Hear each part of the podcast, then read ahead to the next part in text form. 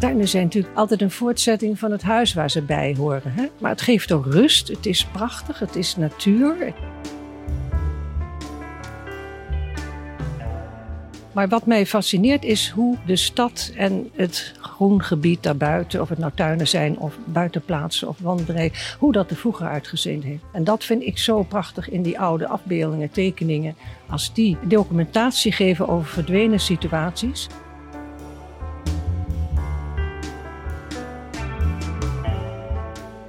Er is zoveel en ik zou het zo leuk vinden om dat ook publiek te maken. Hè? Dat is eigenlijk wat ik zo graag wil. Juist die mooie dingen, dat zoveel mogelijk mensen van kunnen genieten. En of het nou een tentoonstelling is of een publicatie.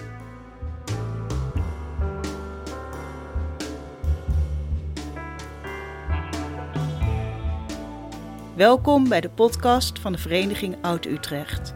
Interviews met Utrechtse historici over hun fascinatie voor de geschiedenis van de stad. Samenstelling Arjan den Boer.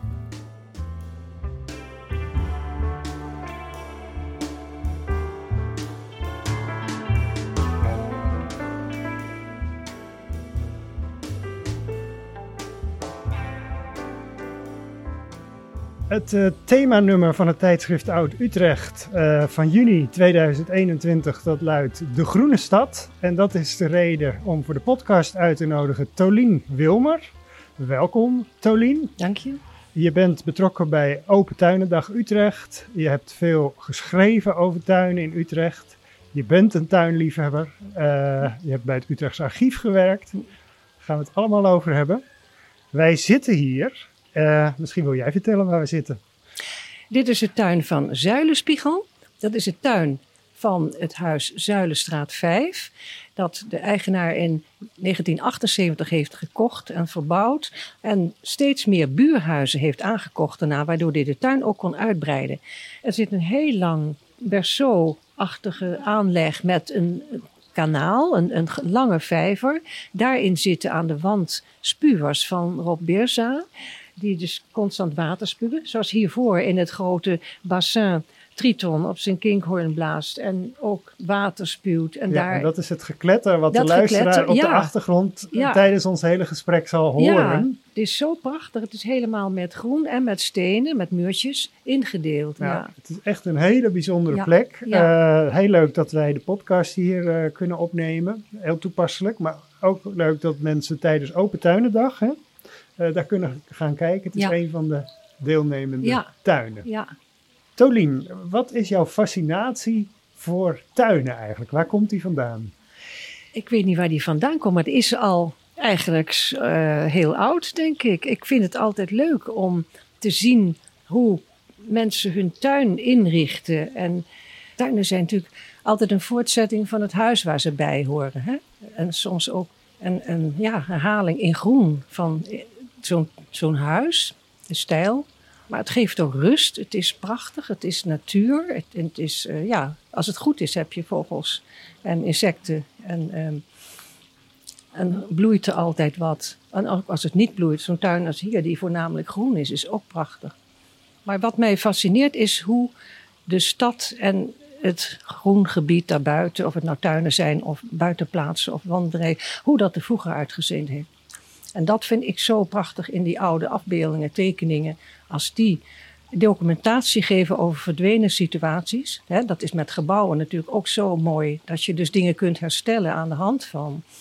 Uh, wat er nu niet meer is, maar wat je wel op een oude tekening of prent of schilderij tegenkomt. En dat is met dat groen natuurlijk ook. Dat is nog moeilijker, want dat is nog eerder verdwenen of veranderd. Ja. Maar het is er wel. En in het uh, themanummer van het tijdschrift heb je ook een zestal verdwenen tuinen aan de hand van beeldmateriaal uh, besproken. Hè? Ja. ja, de meeste kende ik daarvan. Want ik heb van het begin af aan, toen ik bij het archief kwam werken, ja. um, in 1977 was dat al, um, ontdekt dat de collectie prenten en tekeningen, waar ik het beheer over kreeg, was ingedeeld naar onderwerp. Dus de zogenaamde rubrieken. En er was ook een rubriek buitenplaatsen. Nou, dat trok onmiddellijk mijn aandacht. Ook vanwege mijn, nou ja, voorgeschiedenis, opleiding en noem maar op. Dus dat was leuk. En zo heb ik alles geïnventariseerd wat er in Utrecht geweest is aan buitenplaatsen en wat er nog van is, maar in ieder geval beschreven. En natuurlijk aan de hand van die afbeeldingen en andere bronnen natuurlijk. We gaan het eh, zo echt nog, denk ik, best uitgebreid ook hebben over je werk bij het archief en de publicaties en tentoonstellingen. Maar eh, er is ook een vrij actuele aanleiding om nu met jou te spreken. Dat is eh, de Open Tuinendag Utrecht, hè? Ja, die tien jaar bestaat. ja, Gefeliciteerd Ja, daarmee, want jij bent van begin af aan erbij betrokken geweest. ja, ja. Hoe is dat destijds ontstaan? Nou, dat is een initiatief geweest van Ronald Trum, destijds directeur van Toerisme Utrecht. En die had het idee wat in Amsterdam kan met tuinen die je kunt bezoeken. Dat zal in Utrecht ook best kunnen. En die heeft Want het een bestond al in Amsterdam. Ja, en in, misschien ook wel in andere plaatsen ook al. Tegenwoordig heb je dat meer, maar in Utrecht niet. En nou ja, wat is nou logischer in zo'n mooie oude historische binnenstad? Daar zullen ongetwijfeld tuinen zijn. Maar dat moesten ze natuurlijk wel inventariseren. We hebben nu een heel mooi arsenaal. Mensen die dus, de meesten doen dus eigenlijk al bijna tien jaar direct weer mee. En die vinden het dan leuk om hun tuin weer open te stellen. En dit is er één van, hè? En dit is er één van. Deze doet altijd al mee. Dit is één van de. Ja, is het ook voor de tiende keer voor de dat tiende mee- keer. meedoet. Ja, ehm, we zien dus dat heel veel mensen dat leuk vinden om te zien. ehm, omdat het besloten is. Kijk, zo'n pandhof van de Dom bijvoorbeeld, Flora's Hof. En zo heb je natuurlijk van die ehm Andreashof. Dat zijn dus openbare groene plaatsen. Daar Die kennen altijd, mensen al die interesse Ja. daarin hebben. Ja, maar dit zijn particuliere tuinen waar je niet zomaar in kunt. En als die nou één dag per jaar open zijn, dan is dat natuurlijk ontzettend leuk. Het zijn eigenlijk verborgen Ja, paradijsjes. dat is het. Ja. En ze zijn ook zo verschillend. Hebt, dit is echt verreweg de grootste natuurlijk. En de meeste zijn helemaal niet zo groot als dit. Dat kan ook niet. Maar je hebt ook hele kleintjes van enkele vierkante meters. Die doen ook mee. En wat we nu voor het eerst hebben is een verticale tuin. Mensen die zo'n binnenplaatsachtige eh, ja, locatie hadden. Daar waar niks kon groeien en een betonnen vloer. Die hebben net zo lang gezocht tot ze iets hadden ontwikkeld aan een kale muur. Met een irrigatiesysteem, met eh, planten en alles nagekeken en bestudeerd hoe dat dan kan. Het hele jaar door groen. En het bloeit op onverwachte tijden. En nou, dat is echt heel spectaculair. Dat is een van de nieuwe van dit jaar. Ja. En, dat En, is en heel- is het criterium de binnenstad? dat hebben we in principe wel, want anders dan waait het enorm uit. En als je weet hoe ingewikkeld dit al is. We hebben wel een uitstapje over de Malibrug. En dan hebben we een paar huizen aan het begin van de Malibaan. En dat is ook weer heel leuk. Je noemde net al een aantal nieuwe tuinen die dit jaar meedoen. Ik begreep dat het ook eh, de Doopsgezinde Kerk en Leeuwenberg, eh, die hebben kennelijk ook een tuin. Ja, Dus. Ja, dat is heel anders. De Doopsgezinde Kerk Dat is is... aan de Oude Gracht, hè, Ja. trouwens. En dan ga je door de Abraham Dolensteeg erin. En dan aan de andere kant de reguliersteeg er weer uit. Nou, dat is dit jaar natuurlijk sowieso belangrijk hè, voor de routes. Ja. En, ehm, maar degene die de tuin heeft aangelegd is boomdeskundige. Nou, dat is natuurlijk ook enig. Dus er staan bomen waarvan je nooit gehoord hebt. Dat is de, in een kleine tuin in de Utrechtse binnenstad. Dat is zo verrassend. Je weet nooit wat je tegenkomt. Ja, het staat natuurlijk wel beschreven. Maar ehm, de een legt het aan gewoon met plantjes van de markt, bij wijze van spreken. En de andere maakt een heel plan. Of is een hovenier die het aanlegt. Daarom zijn ze allemaal zo verschillend. Ja, ja. Vorig jaar, 2020, was natuurlijk het jaar van corona. Ja. Eh, wat betekende dat voor de Tuinendag? Ja, heel veel. Want we waren natuurlijk al in november begonnen met de organisatie.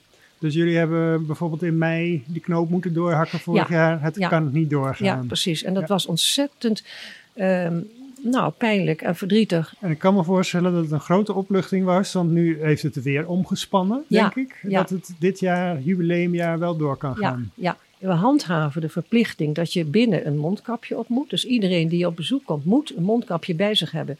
En, Ja, ehm, want vaak moet je door, door het huis een heen naar huis. de En dat geldt inderdaad voor de, de tuinen die achter een huis liggen, waar je in en uit door dezelfde gang moet. Ja. En dan zijn we vrijwilligers. We hebben gelukkig vrij veel vrijwilligers. Die moeten allemaal daarop toezien. En die hebben dan ook een mandje met knikkers. Een soort ehm winkelmandjesysteem hè, van zoveel Niet te veel mensen dan- tegelijk. ja, Jij eh, vertelde dat er altijd ter gelegenheid van Open Tuinendag een boom wordt geplant. Eh, meestal in het zochtplantsoen. Nou, dat is verschillend. Eh, meestal wel. Dus nu is er een prachtige kurkiep geplant tegenover Karel V. Een van de twee ingangen van Karel V, dus aan de Singel. Ja, dus aan, de, aan het nieuwe stukje single. Ja. Dat is natuurlijk ook mooi. Heel mooi. Ja. Hij staat nog erg solitair, maar dat moet allemaal nog ingroeien. Maar het is een hele spectaculaire boom. Nou, dat is dan Een kurkiep. een kurkiep. Ja, Oké. ja, het heel mooi. Maar er is nog een bijzondere boom in aantocht. Ja, Want eh, je hebt een pleegboom in je tuin. ja, Vertel eens. ja. We nodigen altijd de, de, de vrijwilligers, de, de tuineigenaren, sponsors uit om daarbij te zijn. En ehm, toen kwam Frans Kip op een gegeven moment op mij af, na afloop, zei: God, hier, ik moet je toch even De, wat de vertellen. bouwhistoricus Ja, is dat. Die ik nou ja, direct kende toen ik hier in Utrecht kwam van Skip. En, en Tarek Hoekstra, ja goed, allemaal de oudheid van de stad Ja, en noem maar op. Archeologie, ik bouwhistorie. Ja, ja. Ja. het ene. En die zei, ik heb een gekke vraag eigenlijk. Wij zijn in Tongeren geweest, in Vlaanderen.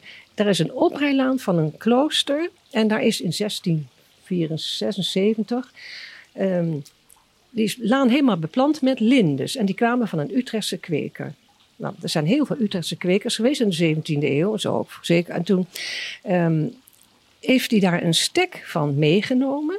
En zo van, van, ja, het zou toch leuk zijn als er weer eens een nazaat terugkwam in Utrecht. Dus een stekje van, Van- uiteindelijk een linde die in de Ja. 17e eeuw uit Utrecht kwam. Ja, ja, ja. En die En in toen zei België hij, hij is natuurlijk nu, hij heeft er gewoon in een bloempot, maar hij zei, hij is nog veel te klein. Hij moet ergens opgekweekt worden, waardoor hij wat stevigheid krijgt en dan in een openbaar park geplant kan worden. En of ik iemand wist met een tuin, ja, dat kan wel bij ons. Dat is leuk, gewoon, dat is dan weer een... eh, en ieder jaar, ja, ik En, verzorg en, hem. en deze pleeglinde die wordt dus over een x aantal Ja. jaren ergens op een bijzondere plek in Ja. Utrecht gepoot. Ja, en dan Ja. gaan we daar weer publiciteit aan geven en, eh, met dat verhaal erbij. Dat- De boom die terugkwam naar Utrecht. Betekent dat nou ook dat je zelf groene vingers hebt? Nou, weet je wel. Maar ja, ik laat ook veel aan de natuur over hoor. Het moment, zeker. Er is allemaal zoveel opgekomen ineens en ik kan het niet allemaal te lijf. Dus ehm, ik laat het maar even zo. En dit is prachtig. Iedereen denkt, wat een prachtige tuin. Denk, nou jongens, goed hoor. Dus, eh, Het is natuurlijk, neem ik aan, iets kleiner dan dit, hè? maar wel paradijselijk, maar niet zo strak eh, onderhouden als nee, hier. nou ik heb wel een, formeel gedeelte en een landschappelijk. Maar we hebben een tuin van ruim 20 meter. Dat is Oh. een heel bijzonder in Utrecht. Maar ik ben er heel blij mee. Iedereen die binnenkomt zegt, god, wat een bijzondere tuin. Nou, dat is het ook wel, denk ik. Maar, Ja. ja. Maar hij doet niet mee aan Open Tuinendag, omdat Nee, hij buiten de route ligt. precies, Eh, anders, ja. anders zou dat wel Ja. Gebeuren Ja. natuurlijk. Ja. Ja. anders zouden we zeker meedoen, maar dat is natuurlijk nu niet te doen. Nee. Ehm, we gaan het natuurlijk ook hebben over jouw werk bij het Utrechts Archief. Eh, je zei al, eh, je begon daar in 1977 Ja. hè? en je hebt tot 2013 daar gewerkt. Ja. Wat was jouw functie precies? Ehm, hoofd van de prentenverzameling, geloof ik dat dat heette toen ik kwam. Maar dat is ehm, nou ja, de collectie prenten en tekeningen. En überhaupt het beeldmateriaal, dat is dan tegenwoordig de kreet, van het gemeentearchief Utrecht. Want toen heette het nog Ja. gemeentearchief. 98 is het gefuseerd met het Rijksarchief in de provincie Utrecht. En toen heet het het Utrechtsarchief. Dus toen jij daar begon, eh, toen heette het nog gemeentearchief, maar het zat denk ik wel al aan de Alexander Ja. Ja. Dus, met daar- een glazen deur, waardoor je elkaar zag, maar we hadden helemaal geen contact dus met het elkaar. Rijksarchief in de provincie Utrecht, Ja. dat is altijd zo verwarrend. Hè? En, Ja, ja, en het gemeentearchief, die zaten wel in één gebouw, Ja. maar er zat een glazen muur tussen. ja, ja. En jij werkte aan de gemeentelijke Ja, kant. eh, ja. En dat beeldmateriaal van het, eh van het Utrechts archief, noem ik het maar voor het gemak, Ja, dat is echt jouw, eh, nou, jouw grote kennisgebied geworden. Hè? Ehm, betekent dat ook dat jij kunstgeschiedenis hebt gestudeerd? ja. En altijd met bouwkunst als ehm, hoofdrichting, hè, met alle vakken als je kon kiezen en zo. Dus dat, ehm, dat, dat heb ik altijd gedaan. Maar ik heb ook een, een tijd een stage gelopen bij het prentenkabinet van de Universiteit Leiden. Dus eh, het Kunsthistorisch Instituut. En nou ja, daar heb ik gewoon leren documenteren. In het begin waren dat gewoon foto's op karton plakken en rubriceren en dat werk. Maar goed, niet weten wat er later nog eens zou komen. Was je studie ook in Leiden of was dat in Utrecht? Ook Leiden, nee Leiden. dus je komt uit Leiden eigenlijk naar Utrecht om hier de prentencollectie eens even te gaan uh, Maar dat kwam eigenlijk, ik wou ehm, ooit als ik klaar was naar de Rijksdienst voor de Monumentenzorg. Ah, ja. maar Wat nu de RCE heet, Ja, precies. Maar die zat in Zeist. En ik dacht, nou, ik ga niet in Zeist wonen, ik ga in Utrecht wonen. Maar ik had natuurlijk nog helemaal geen kamer. Maar wel ineens de advertentie voor een um, kunsthistoricus, de kennis van prenten en tekeningen en bouwkunst. Nou, hoe is het mogelijk? Ik dacht, ja. Viel helemaal op zijn En ik was nog helemaal niet afgestudeerd. Ik moest nog een bijvak. Maar ik dacht, laat ik maar gewoon proberen. Want ik moet toch ook ja, oefenen met solliciteren. Dat was het. Nou ja, goed, een week later. Het was gelijk werk? Ja, een week later. Ben, het was de tweede keer dat ik in Utrecht kwam. Want ik was, vroeger had je geen OV-kaartje. Je kwam nooit in een andere stad. Je studeerde gewoon in je eigen stad. En de, ja, dus dan, uh, nee, dat was. was uh, maar goed, daarna heb ik helemaal niet meer gehad. Maar een week later um, werd ik opgebeld door dokter Struik, de archivaris. En dat ze, nou ja, mij wilden hebben. Nee, maar dat, dat Zo is, is het allemaal begonnen het, in Utrecht. Ja. En, ja. En hoe trof je die collectie aan? Was dat allemaal al goed geordend of moest je daar heel veel werk aan verzetten? Ja, nou, het was wel geordend, maar natuurlijk nog met ouderwetse fiches. Hè? En zo. En, Kaartenbakken. Ja, ja. En uh, fotoreproducties op karton. En altijd originele uit de depot slepen die niet gefotografeerd waren. En dat was allemaal, dat was natuurlijk wel achteraf vrij um, arbeidsintensief en ingewikkeld. Ik vond het ook heerlijk om uh, hedendaagse kunstenaars opdrachten te geven om uit te beelden wat er niet was. Hè? Of soms kwamen ze zelf met opdrachten. Maar daar had ik een budget voor, dat was natuurlijk fantastisch. Ja, zeker. Dus de collectie groeide ook ja. terwijl je daar werkte met, ja. met hedendaagse tekenaars. Ja. En dan hebben we het bijvoorbeeld over Chris Gut, geloof ik. Ja, die zat er al heel lang. Dat, die, heeft, die heeft een paar honderd tekeningen gemaakt voor ons, geloof ik, in onze collectie. Die heeft zoveel getekend. Maar die bood altijd zelf aan. Die hoefde nooit te vragen. En die kwam altijd, uh, dat god, heb je hem weer. Maar uh, we hebben al zoveel van jou. Weet je, aan de andere ja. kant, hij was zo fantastisch. maar voor de duidelijkheid, was gewoon echt een opdracht. Hè? Er werd voor betaald. Ja, ja, en, en, gebeurt dat nog steeds? Of is die een hele enkele keer voor een speciale gelegenheid. Maar dat is niet meer, er is geen um, speciaal budget voor. Dat is nee. meer als er iets speciaals is. Maar dat, dat is wel jammer, want dat is wel een traditie. Ja. Ja. ik vind het ook leuk om dat zo te te blijven doen. Maar het begon natuurlijk ooit als uh, ja, de oudste documenten die we hebben, documentatie, dat zijn dus toch de oude tekeningen. En prenten zijn dan weer daarna gemaakt meestal. En nu heb je de fotografie ja. en weer hele andere technieken. Dus het is niet eens meer nodig om het zo nee, te doen. Nee, want dat zullen sommige mensen inderdaad zeggen. Waarom, waarom werden die opdrachten eigenlijk gegeven? Ja. Want het, uh, je kan het ook fotograferen. Dat ja. gebeurde natuurlijk ook. Dat was een afweging maar natuurlijk. het geeft toch weer een ander beeld, Absoluut. denk ik. Wat, wat, wat is het verschil als je iets op de foto vastlegt of als je een tekenaar vraagt? Ja, het is natuurlijk altijd een persoonlijke visie. Maar je probeert ook... Uh, differentiatie aan te brengen. Hè? Dat, soms is een onderwerp tien keer verschillend uitgebeeld. En, en, maar ja, dat is misschien te veel kunsthistorisch gedacht. Dat vind ik juist interessant om te zien hoe dat gebeurt. Hè? Het, het, het artistieke erin ook. Ja, en dat, daarmee leg je ook de tijdgeest vast, ja, denk ik. Zeker, ja. En dat doe je met foto's natuurlijk ook wel, ja. maar toch op een wat ja, oppervlakkige manier. Ja. manier. Ja. Um, als we het over die collectie hebben, die grote collectie prenten en tekeningen dan is denk ik toch wel het hoogtepunt eruit, dat zijn die Sarendams. Hè? Ja. Die kerktekeningen ja. van Pieter Sarendam ja. uit de 17e eeuw. Uh, hoe was het om uh, met je neus in de boter te vallen? Want dat is natuurlijk ook in de architectuurhoek zijn dat hele bekende tekeningen. Nou ja, ik kende ze alleen maar van plaatjes natuurlijk. Maar ik was nog maar nauwelijks in dienst. Of er kwam een telefoontje van Paleis Soesdijk.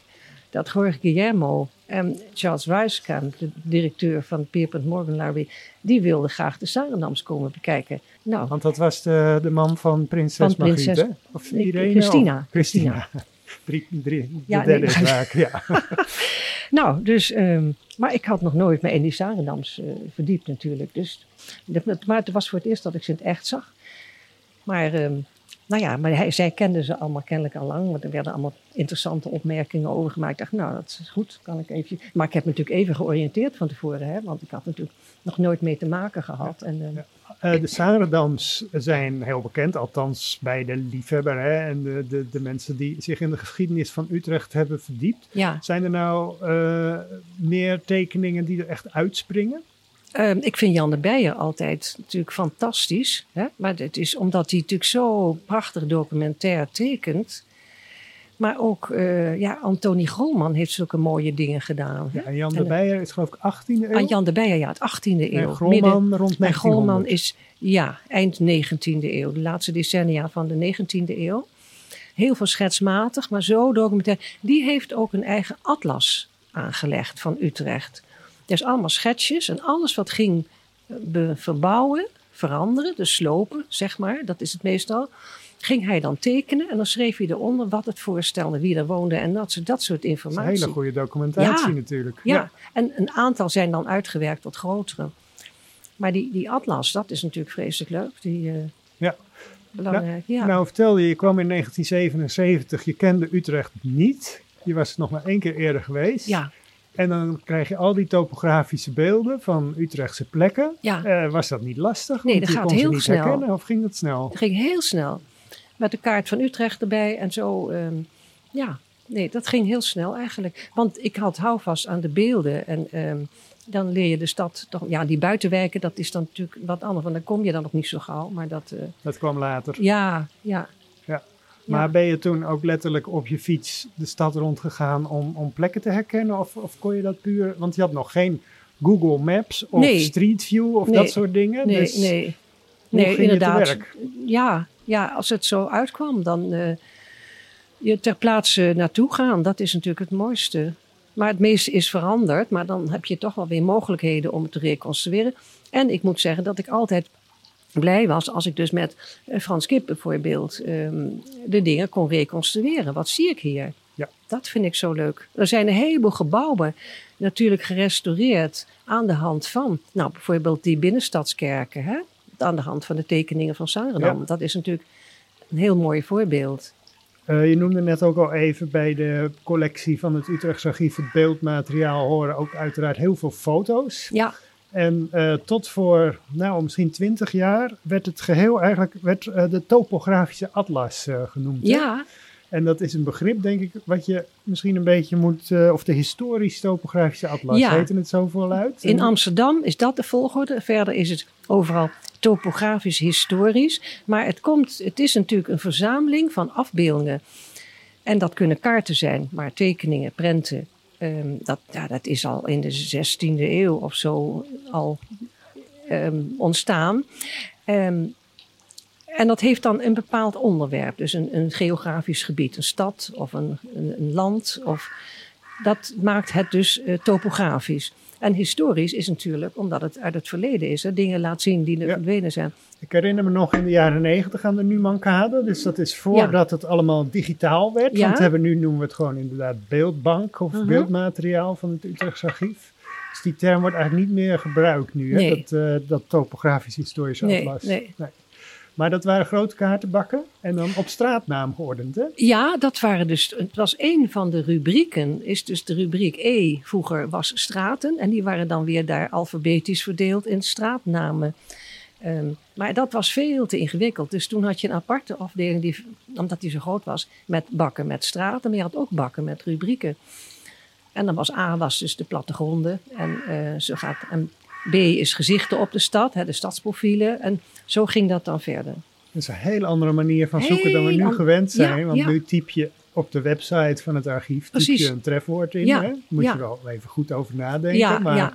komt altijd wel wat uit. Ja, ja, ja. maar al die beschrijvingen van wat nu dan digitaal is, die zijn natuurlijk ook ooit door iemand gemaakt. Mede door jou, neem Ja. ik aan. Ja, en voorgangers. En nou ja, toen met die digitale versie moest de oude collectie weer opnieuw worden ingevoerd. Nou, dan moet je natuurlijk ook een beetje kritisch kijken wat je overneemt. Hè? Ja. En of het allemaal klopt of niet. Dus dat. eh, Was die, die digitalisering, was dat voor jou een, eh, een grote verandering van je werkwijze? ja, maar ik ben ontzettend goed af geweest dat ik na de fusie geen leidinggevende functie meer had. En dus niet de, de. Ik had daarvoor een paar jaar lang, ook trouwens met collega's van andere archieven, de digitalisering voorbereid voor ons soort collecties. Maar ja, daar ligt mijn belangstelling niet. En dat, dat is niet. Daar ben ik gewoon helemaal niet geschikt voor, laat ik het zo zeggen. Jij bent toch, en dat uiteraard in de zeer goede betekenis bedoeld, van, van de oude stempel. eh? Absoluut. Oh. Er zijn zoveel meer mogelijkheden die Ja. ik gewoon niet kan hanteren. Maar ik denk dat het een geweldige verbetering is hoor. Ja, dat je door allerlei velden heen kunt Ik zoeken. heb het zelf allemaal nog net meegemaakt, kan me Ja. nu al bijna niet meer voorstellen Hmm. hoe je dan toen te werk eh, Nee. ging met het vinden van dingen. Ook, want ja, je moest echt weten wat je zocht bijna. Ja, ja. Ja, maar dat is natuurlijk ook het voordeel als je ergens lang werkt. Dan, ehm, ja, dan moet je gewoon. Ik, dus ook gek misschien dat ik dat zeg, maar ik ben toen een keer gepolst of ik in Amsterdam dit wilde doen. Want daar was dan een vacature, het hoofd van de afdeling. Maar ik dacht, ja, ik zit hier nou een paar jaar in Utrecht. Ik begin Utrecht nou te leren kennen. En het manier van ontsluiten en toegang maken is natuurlijk wel in wezen hetzelfde. Maar ik moet ik een hele nieuwe stad leren kennen en zo. Dus daar heb ik toch gewoon helemaal niet eh, op gereageerd. Nee, dat ga ik niet. Nee. nee, want vind, op een gegeven moment heb je natuurlijk het voordeel als je Utrecht een beetje Ja. kent. En dan, eh, En ik kan me ook voorstellen, als je zo lang met dat materiaal bezig bent, Ja. dat je ook in je hoofd al die beelden bijna opgeslagen hebt. Dus de beeldbank zit ook in jouw hoofd. Nou, een groot deel is dat zo. Maar ik merkte dat dat zeker zo was toen ik die boeken ging samenstellen. Hè? Met, met, Ja, want je hebt eh, heel veel boeken en tentoonstellingen met die prentencollecties. Ja, ja, En, en de laatste twee daarvan, eigenlijk de twee dikste ook, Ja. hè, dat is eh, de getekende stad hè, in twee Mhm. delen. ja. En dat is eigenlijk jouw, eh, jouw magnum opus, kunnen we zo wel Ja. zeggen. Ja, nou ja, dat was gewoon zo leuk. Eigenlijk was het idee daarvan van iemand anders uit de staf van het archief.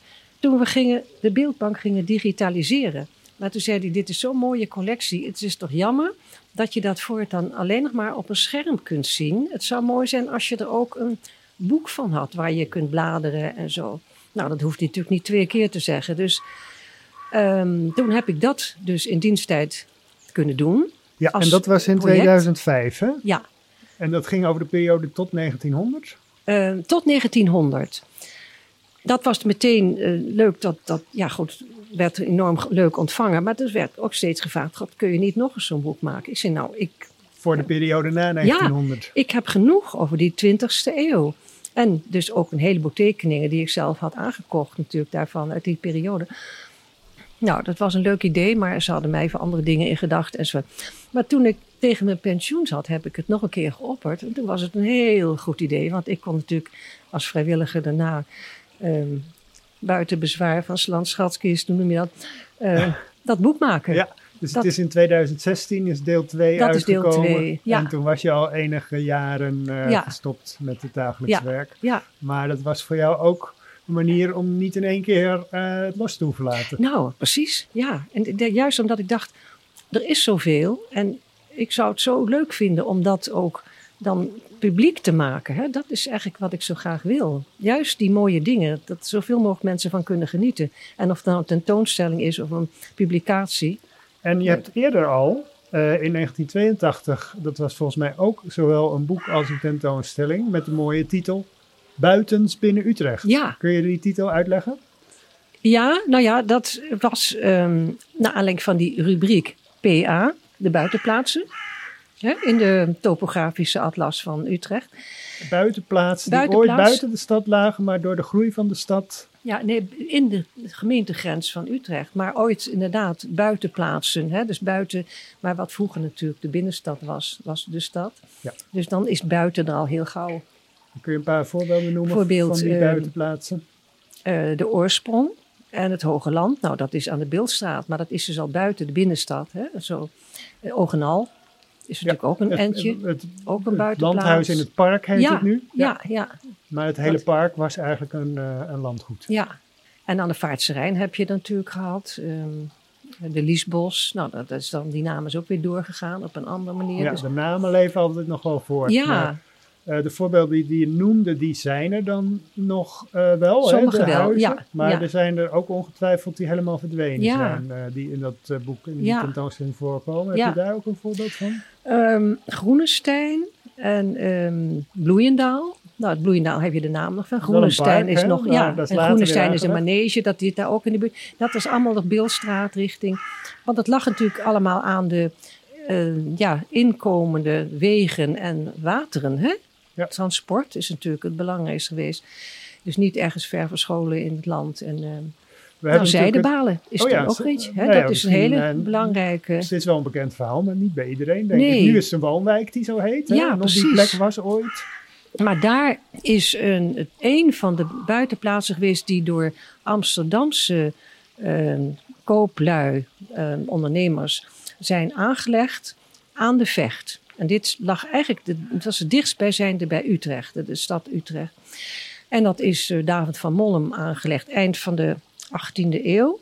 En een hele grote lange as met aan beide kanten de meest prachtige doorkijkjes en geschoren hagen en beelden en vijvers. En moet een heel klein beetje denken aan de tuin Ja. waar we nu in zitten. maar zeker. dan natuurlijk nog groter. Ja, maar eh, daar heeft het wel iets van. daar heeft het zeker wat van. Ja, want er zijn natuurlijk heel veel prenten van bewaard. ja, ja.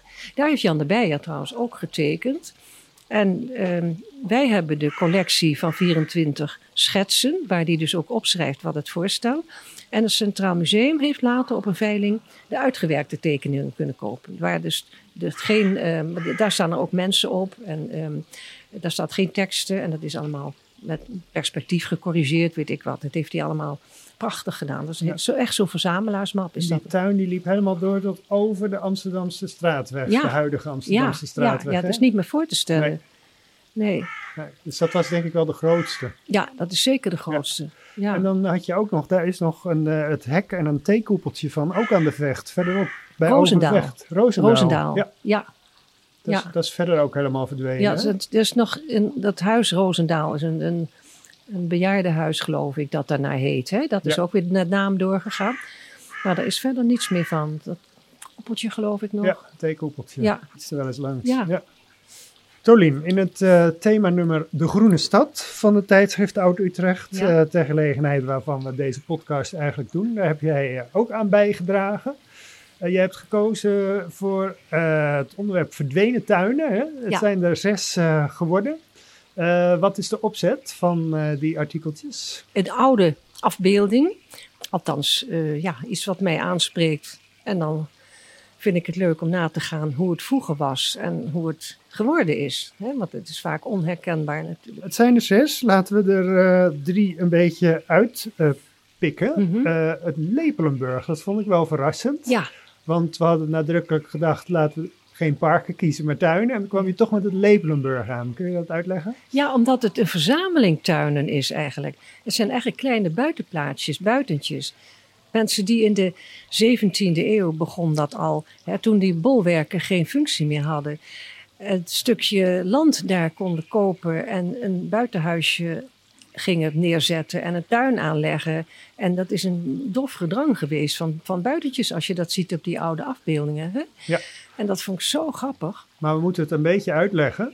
Eh, Lepelenburg kent men nu als park, Ja, als precies. grasveld. Ja, Het was een aardenverdedigingswerk. Ja, je hebt dus eh, bastions, hè, Zonnenburg, Ja. Manenburg, Sterrenburg en Morgenster. En die voldeden niet genoeg. En toen zijn in het eind van de nou, 1579, geloof ik, er nog een aantal aardebolwerken bijgekomen. Dat Onder was- andere Lepelenburg. Ja, maar ook waar de stad Schouwburg is. Ja, en Lucas Bol- Bolwerk. En dat is genoemd naar Lucas Aarts, die dat dan pachtte. Dus, dus een latere naam. Maar dus, ehm, en dat Lepelenburg ook. En dat heeft dus eigenlijk helemaal geen verdedigende functie gehad. Het is nooit als zodanig gebruikt. Maar dat was toen strategisch wel bedoeld. Van als de vijand ooit kwam, dan moest het de stad goed kunnen verdedigen. Maar dat is nooit nodig geweest. Nou, de gemeente kon dus die, die grond verpachten. En zo is het dus geweest. En het is een paar eeuwen geweest. En Dus dat het opgedeeld was eigenlijk Ja, in kleine kleine, buitenplaatsjes. kleine buitenplaatsjes, ja. En de tekening die je daarbij hebt gekozen, die is, was geloof ik ook van Jan de Beijer. Jan de Beijer. Ja. Daar zie je dat ook op, hè? Ja. Daar zie je bijna alsof er soort schuttingen tussen staan. Ja. Dat zal een haag of zo zijn Hagen, geweest. denk ik, maar inderdaad schuttingen ook. En Berceaus ook helemaal. En, en aanlegstijgers. En, want ze hadden natuurlijk ook plezierbootjes en zo. Nou, het is echt zo te vertalen naar nu ook. Hè? Ja, alleen met theekoepeltjes, dat doen we tegenwoordig Nee. niet meer zo. Nee, maar die stonden nee. daar ook, hè? Ja, op, ook. Op Sprent. Ja, Ja. en, maar ik weet niet hoe groot die, die stukken waren natuurlijk. Maar het waren wel hele moeilijke stukken voor de gemeente om dat ooit weer eh, terug te krijgen. Toen het Zoggerplan was, het hè, de singel helemaal te veranderen in een ehm, groot langgerekt park, moesten die buitenplaatsen pas een paar decennia later Ja. meedoen. hè. En nu hebben we het over de 19e eeuw. 19e eeuw. Dus het ja. was al eind 17e eeuw dat dat eh, bolwerk, dat dat Lepelenburg in aparte kavels Ja. eh, voor particulieren werd verdeeld. Ja, En in de 19e eeuw werd de stadsmuur afgebroken. En Ja. toen dachten ze, dan moeten we die, dat bolwerk eigenlijk ook bij dat nieuwe stadspark betrekken. Ja, dat was wel de bedoeling dat dat in het grote omringende stadspark werd opgenomen. Toen ehm, is er op een gegeven moment, eh, hebben ze dus eerst wel het grote park aangelegd vanaf 1830.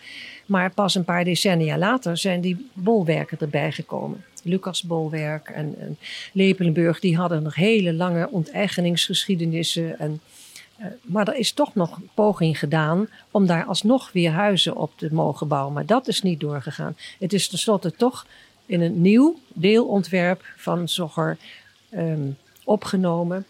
En eh, dan één groot eh, ja, open terrein geworden. Want Zoals zo is het het, nu nog is. als het mensen het nu kennen. Ja. Ja, Het had dus totaal anders te kunnen uitzien als ze dat niet hadden besloten Ja. eh, om, eh, om het groen te houden. ja zeker. Nou, dat is een van de tuinen, verdwenen tuinen die jij eh, bespreekt. Een andere, dat is toch ook een mooi verhaal, aan de Malibaan, hè? Ja. nummer 55. Ja. Dat is de hoek met de, moet ik het even goed zeggen, de, De burgemeester, burgemeester Rijgenstraat. Ja, Ja, en dat is nu helemaal bebouwd, die hoek. ja, Op de hoek helemaal met de Malibaan staat een mooie villa. ja. En daarachter, waar nu twee winkelpanden staan, daar, Ja. daar was een grote tuin. Ja. En pas, je kunt ook zien aan de architectuur, dan begint er weer een 19e eeuws gebouw, nummer 6. En dat is het eind geweest van die tuin. Maar die twee nieuwe panden, die staan op de plaats van die tuin.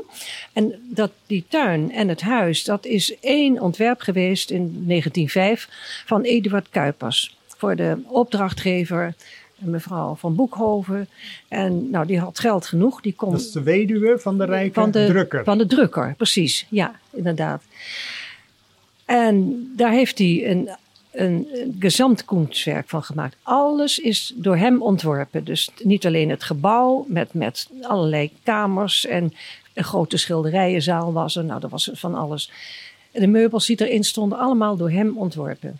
En de tuin is eigenlijk een voortzetting van het huis. Want daar staat ook heel veel in van bouwwerken. Een hele grote loofgang is er van een houtlatwerk met opengewerkte koepels aan de voor- en achterkant.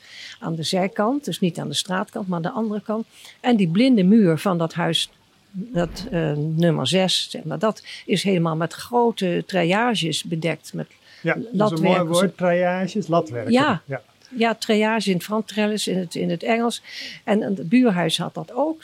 Nou, zo groot heb ik ze nog nooit gezien. En dan eh, de aanleg is gewoon smalle parkjes of perkjes met, met ehm, nou niet al te.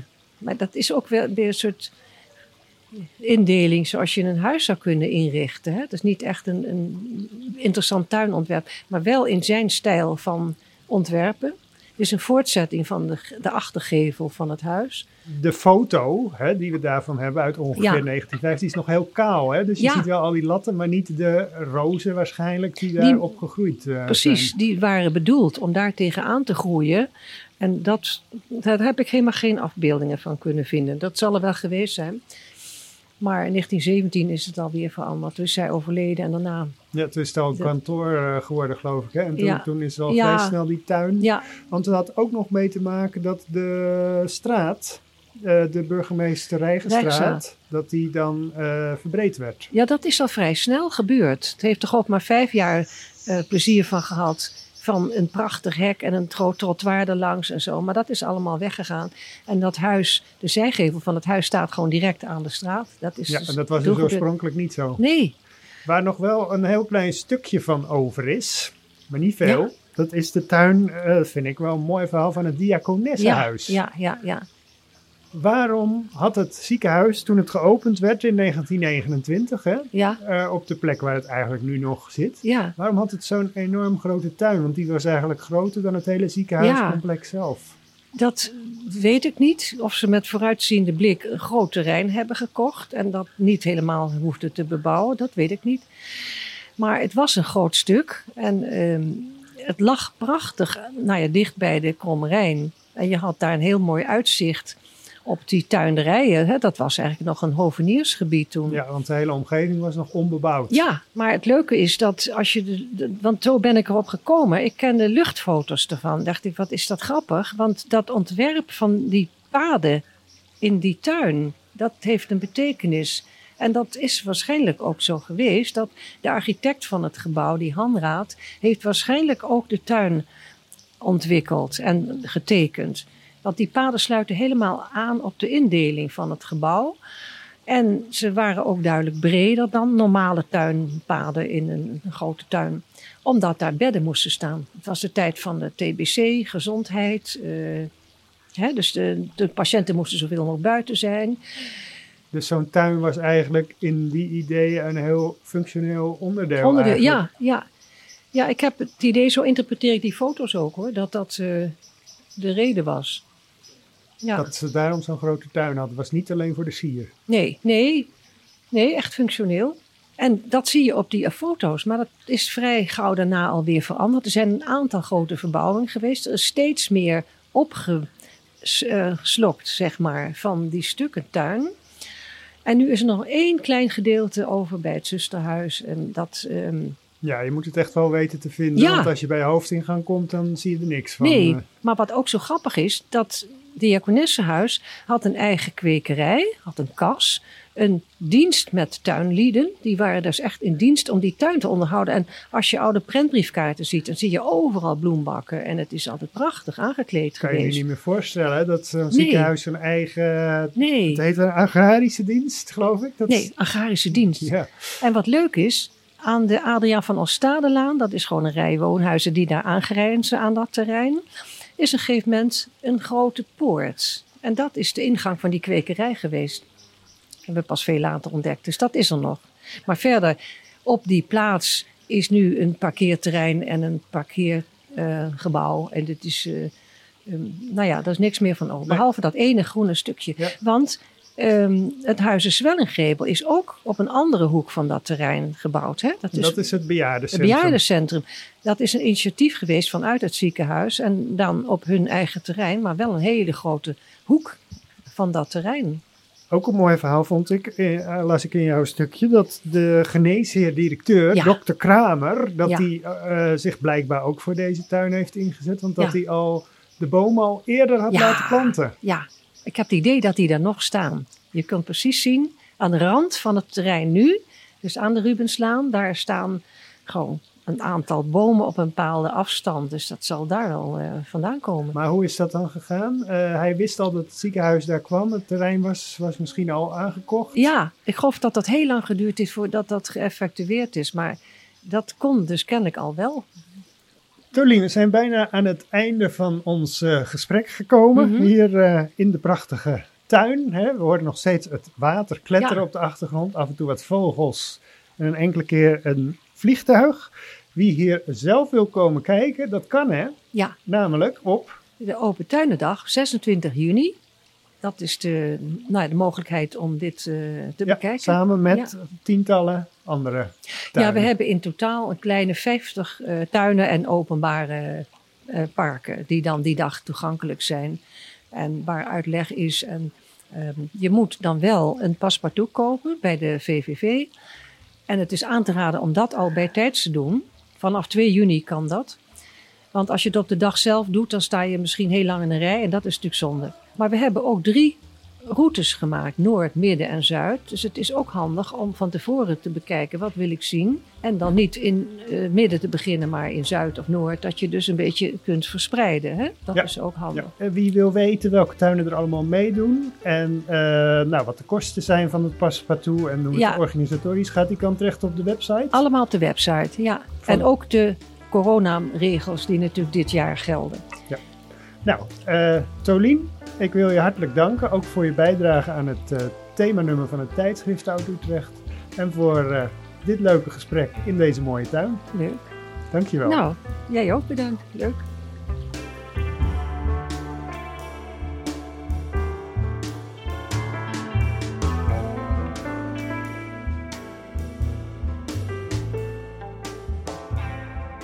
Je hebt geluisterd naar de historische podcast van de Vereniging Oud-Utrecht. Samenstelling Arjan den Boer. Meer afleveringen en abonneren via www.oud-utrecht.nl. Daar vind je ook onze agenda en andere publicaties.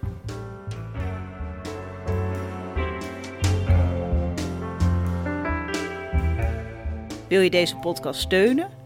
Word dan lid van de Vereniging Oud-Utrecht en je ontvangt ook zes keer per jaar het tijdschrift Oud-Utrecht, het jaarboek en de uitnodigingen voor activiteiten. Meer informatie www.oud-utrecht.nl